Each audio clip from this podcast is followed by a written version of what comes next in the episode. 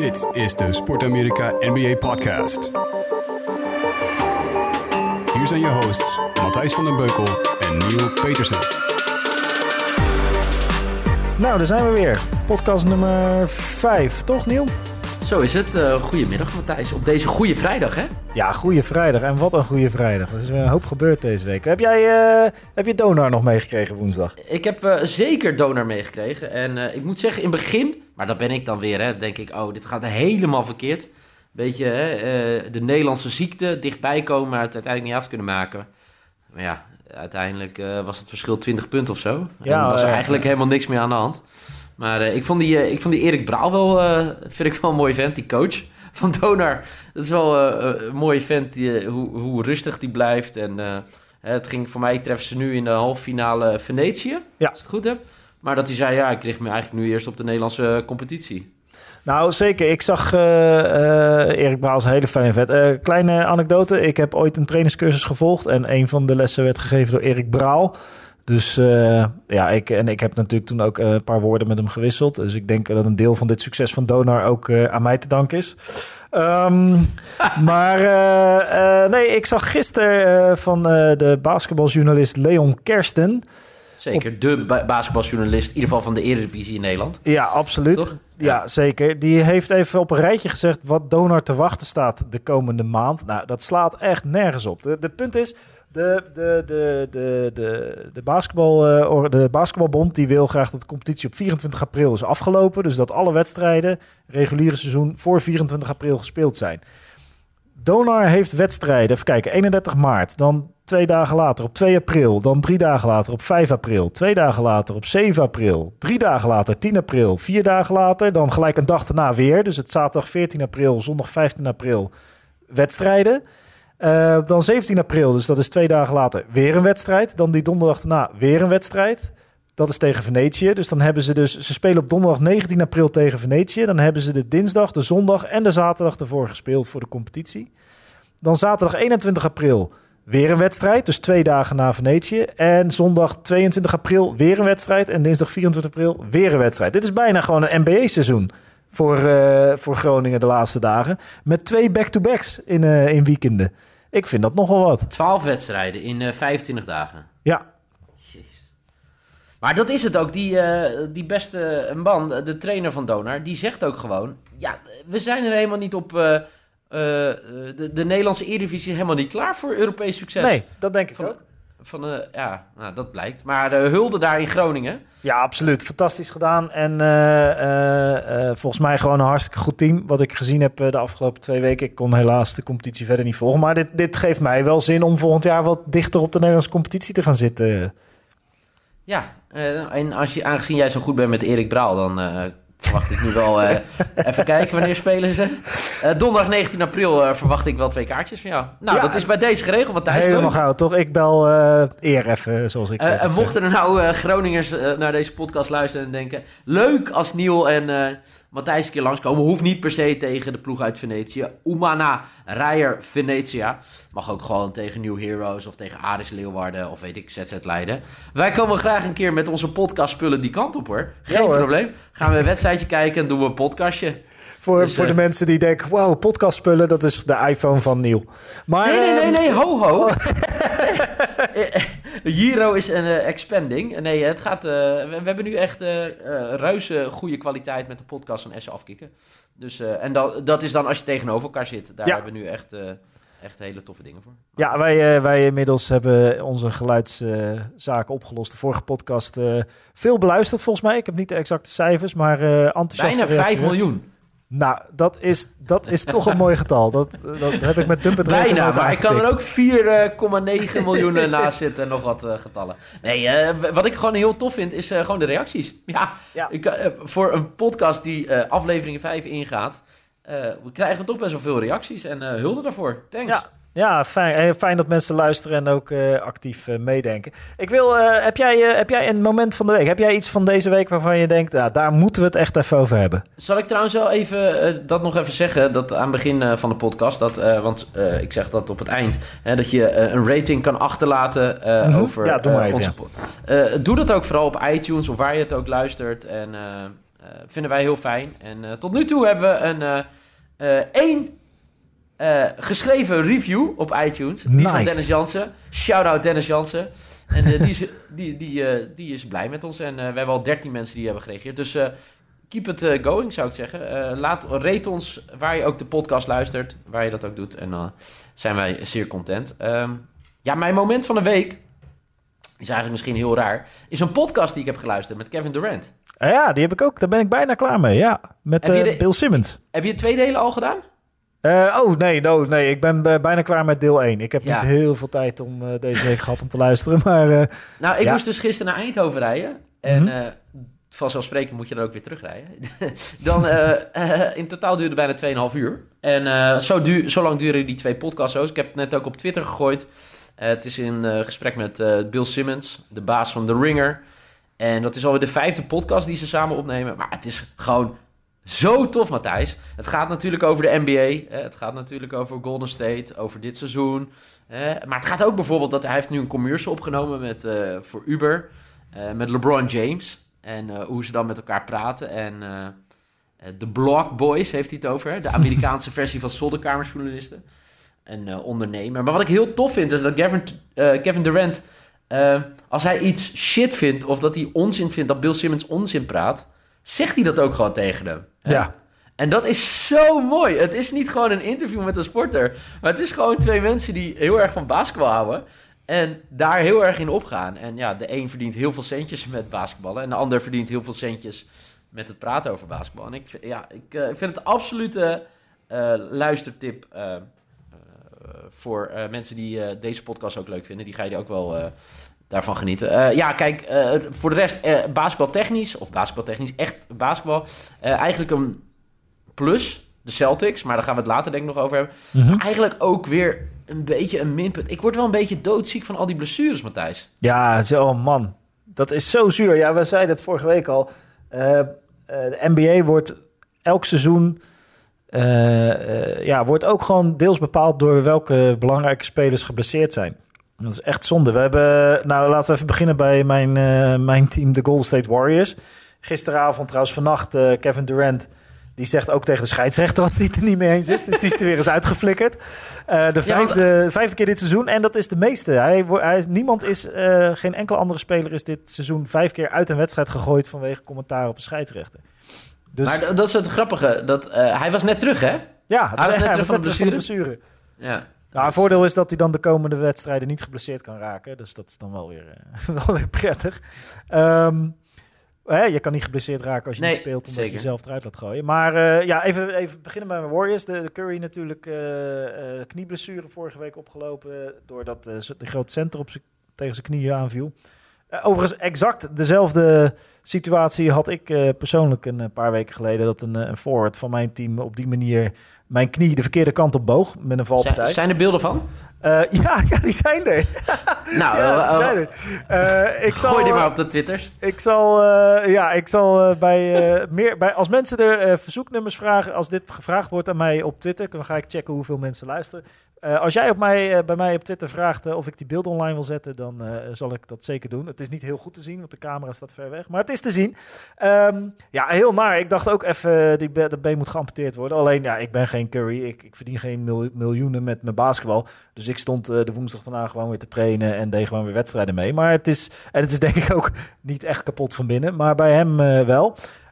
Mijn punt is, wat ik wilde maken, voordat ik weer over mezelf begon te praten, is ehm, dat ik hoop dat hij terugkomt. Ik hoop ook dat hij terugkomt op 80, 90, 100 procent. En waarom? Omdat eh, de, de, eh, de NBA heeft het nodig dat de Warriors op volle sterkte in de playoffs zitten. Want als je een zo'n goede kandidaat hebt, en nu zijn het de Warriors, maar een ander jaar is een ander team, en een belangrijke, nou in dit geval de belangrijkste speler van het team is geblesseerd, ehm, en ze worden geen kampioen, dan zal die, die tegenstander, Ja. degene die van ze wint, die zal dan altijd een, een voetnoot hebben bij die overwinning. Want ja, je speelde inderdaad, je bent kampioen geworden, maar je speelde tegen een Warriors zonder een belangrijkste speler. En, ehm, en dat is gewoon zonde, dat wil je niet. Je wil gewoon dat alle teams op volle oorlogsterkte die play-offs ingaan. Eh, en eh, het echt, eh, dat zei jij vorige week natuurlijk ook al, en het gewoon echt uitvechten. Dus dat wat betreft de Warriors, ja, ik hoop dat ze allemaal weer fit terug zijn. Want anders, eh, kijk, het, is, het lijkt leuk, want dan betekent dat andere teams van ze kunnen winnen. Maar ja, hoe, hoeveel waarde hecht je dan aan die overwinningen? Lijkt Ja, mij. maar, ja, maar dat, dat is het hele punt. En eh, nou, dat hebben we dan bij, bij jou, eh Golden State Warriors. Maar hadden het natuurlijk ook met de superhete 76ers, de Sixers. Ja, superheet. Dat klinkt niet zo lekker in het Nederlands, maar toch, ik dacht... Probeer het gewoon. Super, Finne- eh, Sixers. Ja, dat... eh, ja. Man, ja, zij, ik, ik, zij hebben het hele seizoen al pech, hè? Laten we het dan voorop stellen. Hè? Al, drie seizoenen, denk ik. Vier, vijf Ja. seizoenen misschien wel. Ja, maar eh, weet je, jouw jouw jouw go-to person bij de Sixers was wel Fultz, weet je. Nou, die keer terug. Ja. Hè? Wij, wij sturen elkaar berichtjes, blij. die keer terug. Maar wat doet die Fultz nou? Heb je het gezien? Ja, ja, ja, ik weet wat hij deed. Ja, In de wedstrijd met, eh, 2 dat hij terug was. Ja, nou, leg het uit aan de mensen. Nou ja, die Marco Fultz, de, de, de nummer 1 pick natuurlijk eh, dit seizoen. Eh, eh, ze hebben er zelfs voor getrade. Eh, Jason Tatum speelt bij de Boston omdat zij... eh, Niet onverdienstelijk. Niet heel- geheel onverdienstelijk. Nee. Eh, omdat zij hun nummer 1, eh 1 pick... eh, de Boston heeft hun nummer 1 pick gegeven aan Philadelphia... en ruil voor de nummer 3 pick. Eh, met die nummer 1 pick eh, koos Philadelphia... Ik vind het leuk om heel vaak pick te zeggen. Met die nummer 1 pick koos eh, Philadelphia Markel Fultz. werd eh, hoop van verwacht, maar na vier wedstrijden... werd hij toch maar uit de... Eigenlijk uit het team getrokken omdat zijn schot klopte niet meer. Hij is geen... Nou, vaag verhaal. Een van de vaagste verhalen dit seizoen. Eh, keerde terug uit het niks als een soort, soort Beyoncé-album. Viel die uit het niks gewoon in onze schoot Boom. als een cadeautje. Ja. En eh, deed het eh, heel goed. Hij was, ik, heb het even, ik heb het niet opgezocht. Dit heeft iemand anders opgezocht voor mij en dat getwitterd. Pas de vierde speler sinds 1983 die in een wedstrijd waarin hij minder dan 15 minuten speelde... meer dan 10 punten maakte, eh 10 punten of meer maakte, 8 assists of meer had. Eh, dat zijn van die statistieken. Ja, ik kan er echt om lachen dat de Amerikanen zelfs dat bijhouden. Maar kortom, een hele goede wedstrijd gespeeld. En in de tweede wedstrijd blesseert hij de, de belangrijkste speler van de Philadelphia 76ers. eh Joel Embiid. Ze, ze liepen tegen elkaar aan. En de schouder van Fultz was iets sterker dan eh, het kaakbeen van... of het jukbeen, denk ik. Het jukbeen Ja. van Joel Embiid. Hij wordt nu geopereerd, hè? Ja, en is er minimaal twee weken, misschien wel vier weken uit. Dus hij mist, denk ik, de eerste ronde van de playoffs. Ja, dat is zo zonde. Zo echt. Daar kan ik best wel. Ja, ik ben niet boos op Fultz, maar ik kan op deze situatie wel. eh, ik baal daarvan. Want je wil die 76ers, jonge honden, eh, hebben dit jaar echt uitstekend gepresteerd. Eh, zijn denk ik nog wel echt één of twee jaar verwijderd van eh, in deze samenstelling van, eh, van meedoen om de prijzen, zeg maar, om de Eastern Conference Finals te halen. Maar daarvoor is het wel belangrijk dat ze nu compleet die eerste ronde van de playoffs ingaan. En als ze die overleven, ook de tweede ronde natuurlijk. Want die ervaring is zo belangrijk voor die jonge gasten en ook voor Embiid. Dus ik zou, het zou echt heel zuur zijn als ze nu de eerste ronde Embiid missen en er dan uit liggen. Dat zou ik, eh, dat, ja, dat gun je ze niet. Daarvoor is dit seizoen te goed geweest. Wat, eh, wat was jouw reactie toen je dit eh, las? Ja, dat het gewoon... wat doet die gozer? Dat dacht ik natuurlijk, weet je. Ja, je gaat natuurlijk nooit... Nee, weet je, die, die beste man gaat natuurlijk nooit... en dan hebben we het over Markel Fultz. Gaat Ja. natuurlijk nooit expres zijn eigen team. Maar het is natuurlijk wel het verhaal van het seizoen. Want de Sixers... Kijk, dat is ook, komt ook terug in de, in de podcast eh, met eh, Kevin Durant over... eh, hoe ver is dit team? Hè? Hoe ver zijn de Sixers? Zijn ze al een kandidaat in het oosten? Toen zei hij nee. Maar aan de andere kant, en daar refereerde hij aan 2010 bij OKC... Hè, maar zij met heel veel jonge spelers... de Lakers het heel moeilijk maakten. Ja, Hè, dat waren, toen, was echt ja. een hele toffe serie. Uiteindelijk wonnen de Lakers door de Celtics eh, te verslaan. Uiteindelijk alles. Maar eh, daar ging het eigenlijk mee om. En daar was ik wel benieuwd naar. Weet je, als zij nou, ze waren op weg. Wederom, als je alle statistieken mag geloven. Om eh, de derde plek te pakken in het oosten. uiteindelijk richting de playoffs. Ja, ja. Ja, dan had ik het wel willen zien. Hoe ver ze kunnen komen. Hè? Met, met een compleet fitte selectie. Met jonge honden die er voor, vol voor willen gaan. Ja, dat is natuurlijk wel... Ze hoeven niks. Het is allemaal nieuw voor ze. Ja, dat kan natuurlijk wel iets heel gaafs opleveren. Alleen ja, nu is de vraag... eh, hè, wanneer, eh, wanneer komt hij terug? En eh, ja, wat voor invloed gaat het ook hebben nu op de ploeg? Ja, ja ik, ik vind het echt een van de. Ik vind Stephen Curry, dat vond ik heel, heel jammerlijk. Maar ik vind dit, dit vind ik ook echt een, een, ja, echt een hele zure, zure, zure blessure. En dan ook precies die. vo- Ik denk dat de, de 76er fans dolgraag Fultz aan de kant zouden willen houden als ze daar Embiid voor terug kunnen krijgen. Want zo, eh, ze waren wel blij dat hij terug was, maar dit is nou ook weer niet nodig. Eh, ja, zonde. Dit, dit, dit, eh, dat, dat is wat we net ook al zeiden. De blessures bepalen wel... ehm, blessures bepalen wel voor een gedeelte gewoon hoe een NBA-seizoen en de playoffs gaan verlopen. En dat zijn vaak de grote what-ifs. Dus, eh, dus ja, nee, dat, dat is zonde. Hè? Overigens, deze vraag werd gesteld door eh, Stefan Smaling, op, eh, die ons via Twitter benaderde toen we vroegen wie heeft de vragen. Dat vroeg hij van wat is de invloed van Joel Embiid op de playoffs van de 76ers. Ja. Maar ik denk dat het lastige playoffs worden, toch? Ja, overigens, dat is wel echt wel weer heel tof hè, in 2018. En dat vind ik wel mooi bij teams. Ehm, dat, we, ja, dat je officiële teamreports krijgt natuurlijk. Eh, eh, hoe het er eigenlijk voor staat met de blessure. Maar dat boeit niet, want eh, spelers tegenwoordig pakken gewoon Insta... en die uploaden een videootje. en dat deed Embiid gisteren ook.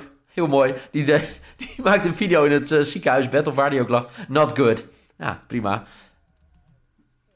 Over, overigens, dat is, ik weet niet of het voorbij is gekomen op de Twitters. Ik zag het voorbij komen bij Frank Wielaert, commentator bij de NOS en heel groot college basketbalfan. Ehm, die eh, had een mooie tweet over Kemba Walker. Ja.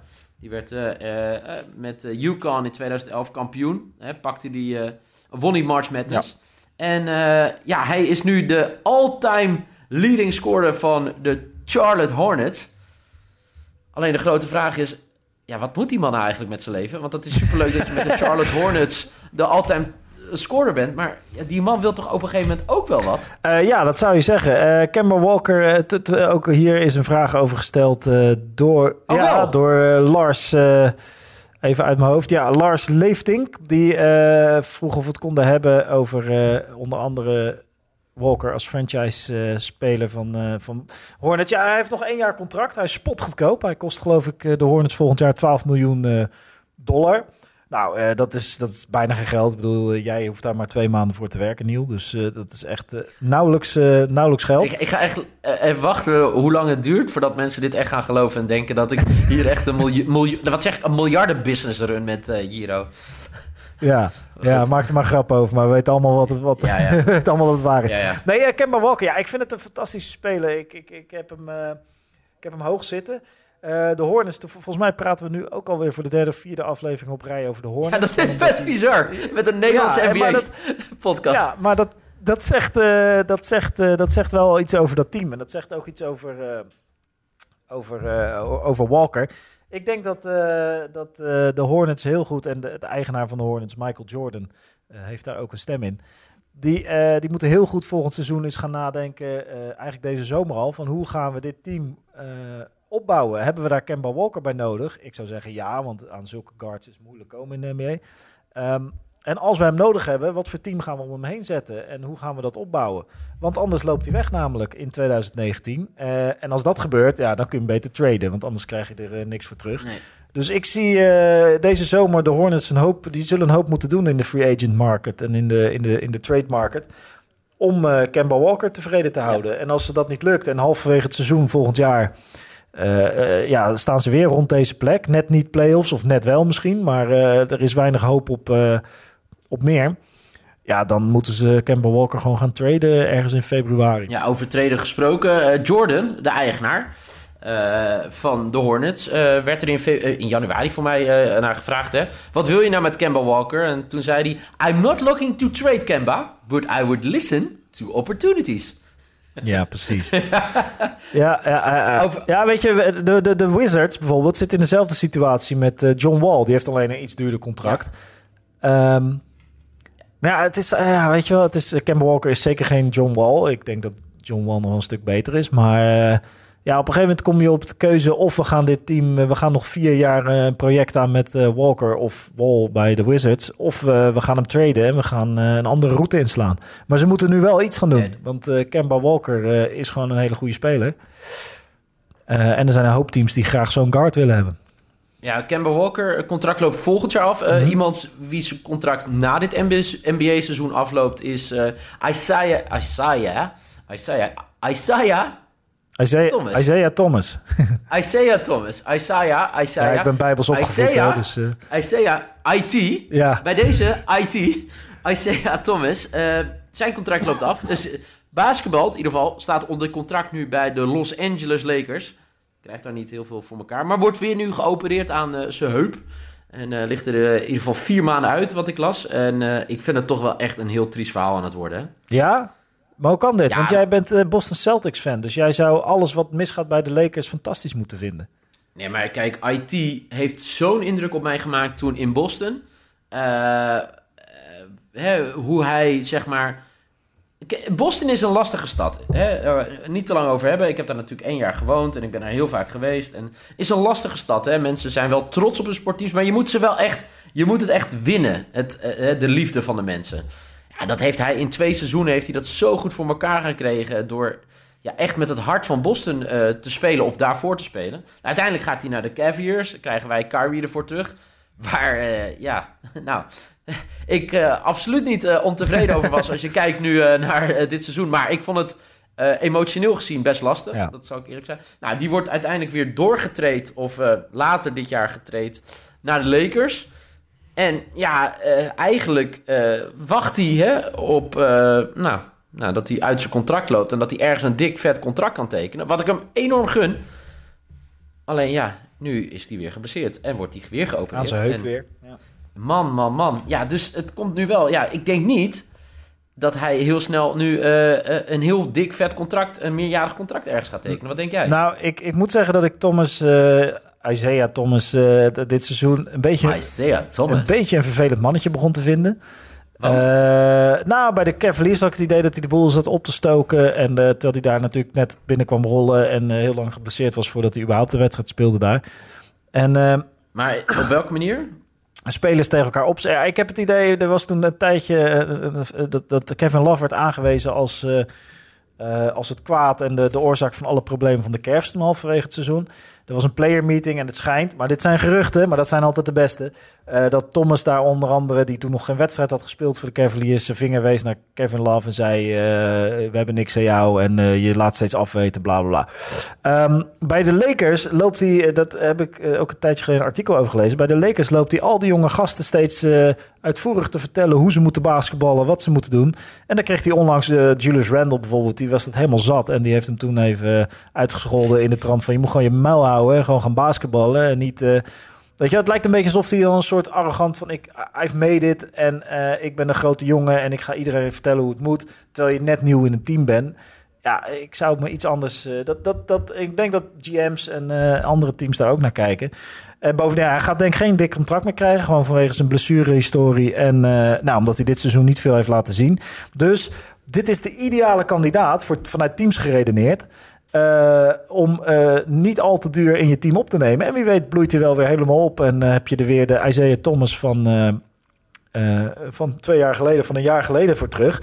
Alleen ja, eh, hij wordt ouder. Hij is niet de grootste speler. En eh, verdedigend heb je eigenlijk niet zo heel veel aan hem. Want je, je, je, nou ja, je kan hem wel verstoppen omdat hij klein is. Maar tegenstanders gaan daarop spelen.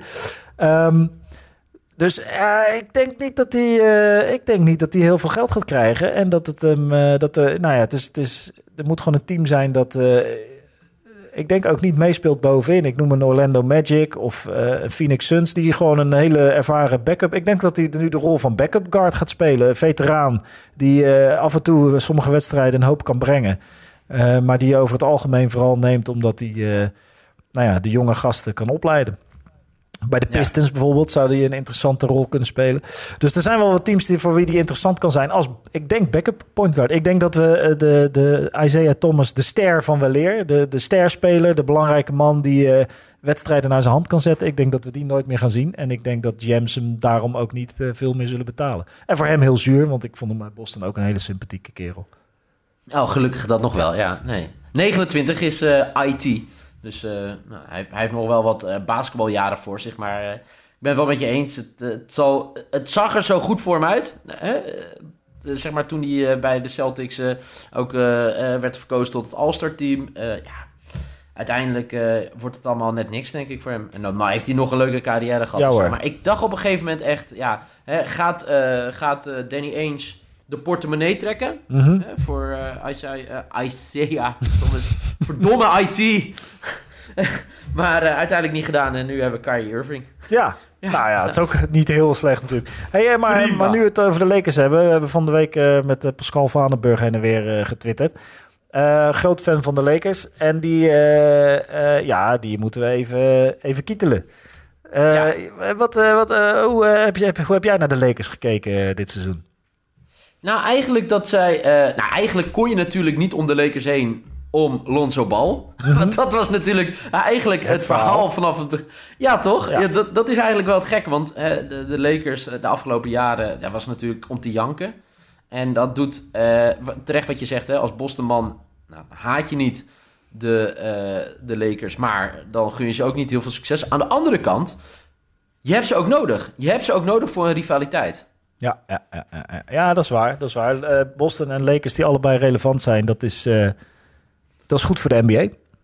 Ja, en ja, eh, het, het is een, een jonge ploeg. Eh, het is ja, Luke Walton. Ik, ik weet nog niet echt wat ik daarvan moet vinden. Dat vond ik ook wel eigenlijk best sneu van Papa Bal. Dat, de, die is natuurlijk heel goed in het vermarkten van zijn gezin. Van Mhm. de Big Ba- Baller brand en alles. Maar hou gewoon je mond tegen die coach, man. Ja, ja, Even ja. Het is geen. je? dat, op middelbare school moet je dat ook niet doen. Eh, ja, in high school moet je dat ook niet doen. Maar ouders die zich op die manier bemoeien met. Weet je wel, ik kreeg gewoon vlees. Ik dacht, dit zijn dingen waar we op, eh, in Nederland op recreatieniveau eh, mee bezig zijn als bestuur. Weet je wel, ouders die zich te veel bemoeien met de coach in het spel. Eh, maar nu moest Magic Johnson en, hoe heet die, Pelinka, die, die GM van Lakers, moesten zich, Ja. hadden dezelfde situatie. Dus dat, ja, ik, ik denk wel dat je een heel goed punt hebt met dat de Lakers een jong team zijn met een hoop, een hoop groeimogelijkheden de komende seizoenen. Eh, ik denk dat Walton een hele goede coach is. Dat hij echt wel visie heeft over waar eh, basketbal heen moet in, eh, in LA en in het algemeen. Welke richting het op gaat. En ik denk dat ze daar een, wat ze vooral heel goed hebben. Ze hebben een aantal interessante spelers die goed zijn voor de Lakers, maar die ze ook nog zouden kunnen traden mocht een grote naam zich melden bij de Lakers deze zomer. En ehm, zodat ze om die grote naam heen een topteam kunnen bouwen. Ja, wat dat is natuurlijk. Kijk, dat is. Kijk, LA is in dat opzicht. Daar kan je niet. eh, daar kan je niet rustig werken. Nee. Laat, ik dat, dat, laat ik dat voorop zeggen. Dat is, dat is gewoon ja, een, een franchise waar altijd wat gebeurt. Het is een grote stad. Eh, mensen hebben er altijd wat over te zeggen. Ja, en op een gegeven moment, eh, ik zat het, ik schrok eigenlijk. Weet je hoeveel seizoenen op rij zij nu, zeg maar, een negatief record hebben? Eh, de Lakers, Ja, ik denk sinds 2013, 2012, 13, dus dat is dan een seizoen of vijf. Nee, 12, 13 hadden ze nog een positief record. Ja. Toen gingen ze wel in de eerste ronde eruit eh, van eh, eh, de, de playoffs. Ja. Toen hadden ze ook drie coaches in dat jaar, weet je dat nog? Oh, is met Mike Brown en ja, dat jaar, Ja, ja. inderdaad. Ja.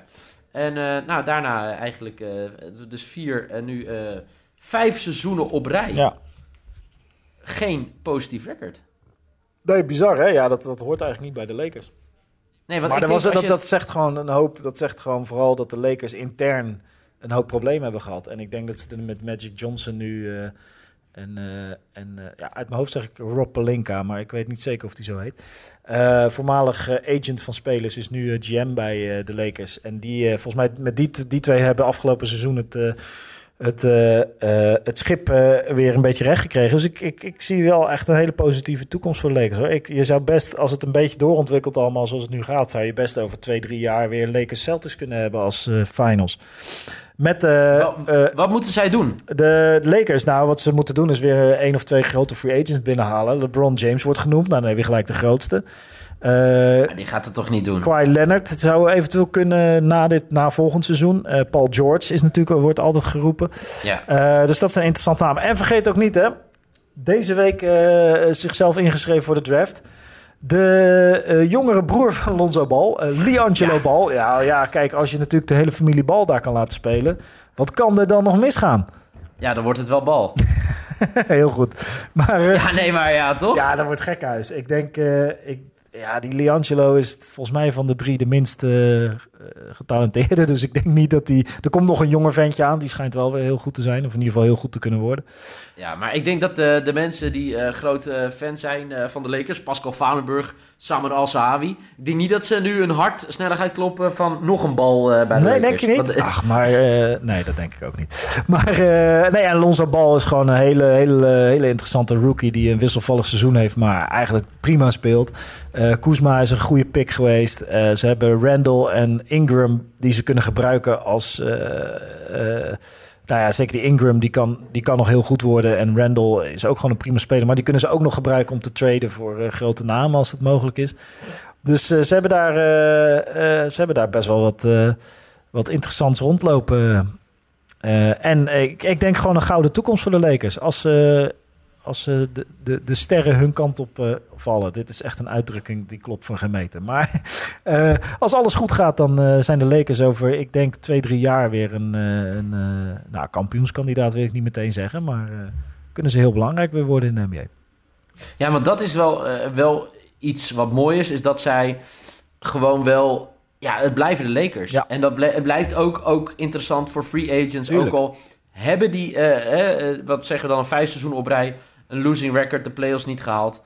Ja, dan is het toch wel interessant om naar LA te gaan. En voor zo'n succesvolle uh, franchise. franchise, toch? Ja, tuurlijk. Je speelt, ik bedoel, je speelt in Hollywood. Je hebt de entertainmentwereld aan je voeten liggen. Dus je hebt een grote markt, groot bereik. Je hebt Magic Johnson als baas. Wie wil nou niet Magic Johnson als baas? Je hebt een strand in de buurt. Je hebt Las Vegas in de buurt. Je hebt uh, altijd de grote sterren bij je zitten aan het veld. Ja, ik, elke basketballer diep in zijn hart wil natuurlijk voor de Lakers spelen of voor Boston. Een van de twee. Ja, ja inderdaad. En wat het mooie is, is... Uh, uh, wat, je had het natuurlijk over uh, Magic Johnson en...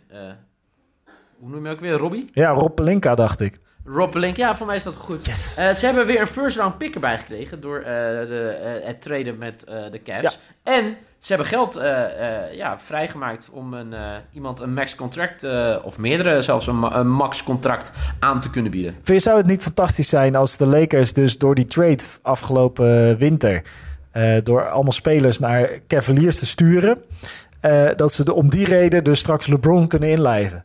Dus het lijkt net alsof ze de, de, de Cavaliers een dienst bewijzen. Ze nemen namelijk Isaiah Thomas over en ze sturen twee, uh, of, ja, twee interessante spelers die kant op. Van nou ja, jongens, dit is een goede trade voor de Cavaliers. Maar ja, als dat betekent dat uh, LeBron de beste basketballer ja. ter wereld ooit, dat hij in de zomer overstapt naar de Lakers, dan, uh, ja, dan, dan lacht Magic Johnson natuurlijk de bal uit zijn broek. Het zou... Nou, maar kijk, dat maakt de... Ik, ik moest dat laatst even uitleggen aan uh, jongens uit het voetbalteam... wat de NBA zo tof maakt. En eigenlijk is het ook wel in andere Amerikaanse sporten ook natuurlijk zo. Je hebt het seizoen waar het om gaat. Hè, waar we de actie zien, waar we de games zien. Maar het is natuurlijk ook veel meer uh, de verhalen omheen ook. Ja, fantastisch. Stel maar de offseason. Uh, wat ga je doen met je team? Ga je bouwen? Ga je gelijk voor succes? Wie haal je? Hoe doe je het met geld?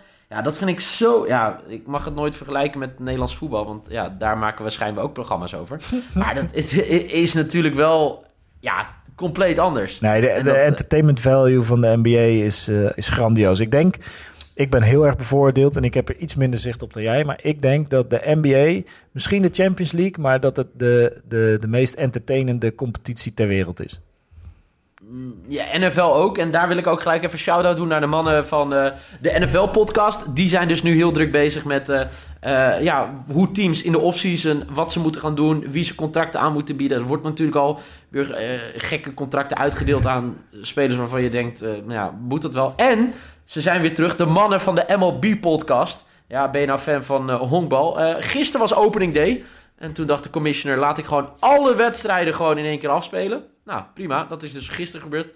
Opening day. En dan moeten ze voor mij nog 181 in de regular season. en dan uh, gaat zij ook naar de playoffs. Dus, uh, maar daar is dus ook een podcast te vinden. Uh, als je Sport Amerika zoekt op iTunes, dan zie je al de podcasts daar keurig naast elkaar staan. Dus ik dacht even, even een shout-out naar onze vrienden Goeie van de andere commercial podcast. break. Jou helemaal goed. Laten, Hey, we, eh, laten we afronden. Wat, wat, is er nog iets wat- Afronden? Ja, we zeker. zijn net begonnen, man. Nee, we moeten gaan afronden. Wat dan? Ja, ik moet er over aan het werk. Ehm, maar eh, nee joh, we zijn, niet, we zijn al eh, ruim een half uur bezig weer. Hey, moet, eh, wat vind jij? Ja of nee? Ja. Anthony Davis, ja? Ja, de Mark van Rijswijk, hè, die vroeg of, of hij zijn wenkbrauw af moest scheren. Nou, ja, nou, ja, zie ik, unibrow, toch? ja, ik denk, weet je wat hij, had, wat hij had moeten doen? Is er een weddenschap aan hangen. Van als ik niet de tweede ronde van de playoffs haal, dan scheer ik hem af. Maar eh, mijn vraag is, scheert hij alleen het middelste gedeelte eruit? Of gaat hij heel zijn wenkbrauw afscheren? Want dat laatste zou ik wel interessanter vinden. Dat zou zo episch zijn als hij dat doet. Ja, dat zou, ik zou, nou, als hij dat doet, ben ik voor eh, optie eh, ja, zeker. En verder, ja, ik, ik denk dat ze die hele Unibrow marketingtechnisch al na ongeveer een half seizoen, toen hij net kwam kijken, rookie seizoen twee, drie jaar geleden, dat ze dat na een half seizoen al volledig uitgemolken hadden. Dus nobody really gives a fuck. En dat zag Mark van Rijswijk ook wel, want zijn echte vraag was, en ik denk dat we daar, hè, laten we deze uitzending dan beëindigen eh, met een buzzerbeater. Zijn tweede vraag was, eh, de buzzerbeaters van Boston, waarom zijn ze er zo goed in? Ja, Nieuw. geen idee. Wat, wat ik opmerkelijk vind, is dat ze nu weer vijf wedstrijden op rij hebben begonnen, de Celtics. En eh, dat hebben ze ook gedaan met drie overwinningen tegen ploegen die in het westen echt heel lekker gingen. Mhm. Die waren heel heet. Ja. OKC, eh, Portland en Utah. En eh, ja, eh, de laatste overwinning, dat vind ik eh, heel mooi om te zien. Deden ze dus tegen de Utah Jazz zonder hun All-Stars. Ja. Dus er waren, was geen Kyrie Irving, daar hebben we het over gehad. Maar ook geen Hayward, hè, die nog heel hard bezig is met zijn comeback. Maar ook geen L. Hor- Horford. En dat vind, ik, ja, vind ik wel knap om te zien. Dat ze dus vijf keer op rij weten te winnen. Ja, de grote mannen zijn er niet bij. En eh, gisteren was het Jalen Brown weer, hè? Ja, Met, ja, eh, ja. Nou, je wat- ziet gewoon dat eh, dit heeft gewoon te maken met... En die buzzerbeaters is ook wel een kwestie van geluk natuurlijk. Anderzijds zou je kunnen zeggen, als je een goed team bent... dan kom je nooit in de situatie dat je het met een laatste wanhoopschot moet winnen. Of wanhoopschot, dat is wel heel erg overdreven. Maar dat je het moet winnen met het laatste scoren. Ehm, maar ik... Maar overigens, daar, daar nog even wat zeggen. Mhm. De Celtics zijn heet, maar eh, luister, ik zeg het nu in podcast 5. Gaan helemaal niks klaarmaken als zij niet de grote sterren terugkrijgen. Ze hebben gewoon een Kyrie nodig. Ja, ja, ja, ja, want er wordt op ge, op ge... Hoe noem je dat? Tijdens de playoffs wordt er gewoon eh, tactisch red je het dan niet. Dan heb je gewoon sterker. eh, nu kun je het af en toe met een verrassing eh, winnen. Maar in de playoffs wordt het gewoon veel zwaarder. Dan gaan teams echt helemaal specifiek op jouw strategie spelen. En dan hebben ze meer tijd om daarop voor te bereiden. Dus dan hebben die man inderdaad nodig. Maar ehm, deze ervaring is voor de jonge gasten natuurlijk fantastisch. Dit, die- dit wordt, hier wordt Boston in de playoffs wel sterker van. Want je, je zet nu gasten neer in de playoffs vanaf de bank. Die gewoon gewend zijn om wedstrijden uit te spelen en wedstrijden te winnen. En ik denk dat, eh, dat de buzzenbeaters van Boston heeft gewoon dan ook een hoop te maken met dat eh, als de wedstrijd spannend wordt, dat eh, de, de coach. Ik ben in één keer helemaal zijn naam kwijt. Stevens. Brad, Stevens, Brad ja. Stevens. Dat Brad Stevens eh, eh, gewoon een hele goede coach is in dat soort situaties. Die weet wat hij moet uittekenen. Die weet waar de zwakke plek van de tegenstander zit. En die kan zorgen dat de, de, eh, het best mogelijke schot in die laatste seconde, dat ze dat voor elkaar krijgen. Dus die kan dat goed neerzetten. Zijn team kan dat goed uitvoeren. Ook de, deze bankspelers, ook de jonge talenten. En dat maakt Boston gewoon een, een tegenstander waar je het niet spannend tegen wil maken aan het eind van de wedstrijd. Gaan ze de Raptors nog inhalen? Nee, Zater, zaterdagnacht, hè? Eh, of zaterdag of zondag om half twee is het eh, in Boston. Boston tegen Torrent- eh, Toronto. Dus het gat is nu drie. Maar jij denkt dat ze het niet gaan... nee, ze gaan sowieso niet inhalen. Misschien dat ze die wedstrijd nog kunnen winnen met een... Ja, weet je, het kan gek lopen altijd in Boston. Maar ehm, eh, nee, ik denk dat ze dan net de slagkracht missen. En sowieso om, om ze nog in te halen. Maar eh, ik denk, eh, maar ook goed, de Raptors eh, is een heel goed team. Ook een hele goede bank. Ja. Maar als die er in de eerste, ik heb het al eerder gezegd, als die er in de eerste ronde van de playoffs uitvliegen, zou het me ook niks verbazen. Omdat het gewoon, het Oosten gewoon een hele rare, dat, ik denk dat het Oosten een fascinerende playoffs wordt. Met hele bijzondere uitslagen en, en winnaars vanaf ronde 1. Ik denk dat we daar echt van gaan genieten. Nou, laten we in ieder geval hopen dat jij als de playoffs eh beginnen nog een baan hebt. Want we hadden een half uur in jouw pauze. Ja. Maar we zitten er alweer ruimschoots overheen. Ik heb een hele relaxte baas, dus, eh, maar ik, eh, hè, we moeten het binnen de perken houden. Ik vond het Ja. weer leuk. Ik, eh, oh man, elke week denk ik weer, eh, waar gaan we het over hebben? Maar elke week is het weer genieten. Nou, weet je, en dat komt, en dat klinkt natuurlijk uber cliché, maar het komt echt door de mensen die Ja. de vragen insturen en dat soort dingen. Anders gaan Matthijs en ik natuurlijk ook gewoon praten over de NBA. Maar de vragen, want nu gaan we het dus op een gegeven moment eh 10 minuten over de Lakers hebben. Dan zal Pascal Vanenburg, hè, of eh, over Kemba Walker, Ja. of eh, weet je, Blijf het insturen. Dank daarvoor via Twitter, Instagram, eh, waar je ons maar kan vinden. En eh, laat, laat ook even, eh, rate hem even op iTunes of waar je hem ook luistert. Daar worden wij ook heel gelukkig van, toch Matthijs? Ja, absoluut. Dit is, dit is een feestje zo met alle reacties. Ik ben En, heel blij en mee. ik ben benieuwd of we dus binnenkort in Groningen een podcast opnemen. Zou toch vet zijn? ja, we gaan het meemaken. Ja, nou mensen uit Groningen, eh, doe je ding, ik Ja, laat, laat van je horen. Nou, dat komt wel goed. Succes sowieso. Als je voor Groningen bent, de komende twee weken worden een eh helse rit. En ik hoop dat Groningen eh, er sterker uitkomt. Zeker. Yes? Niel, Hey, tot volgende week, hè? prettig paasweekend. We gaan elkaar Ja, weer ja. Vrolijk Pasen. Hey, we spreken elkaar. Hoi.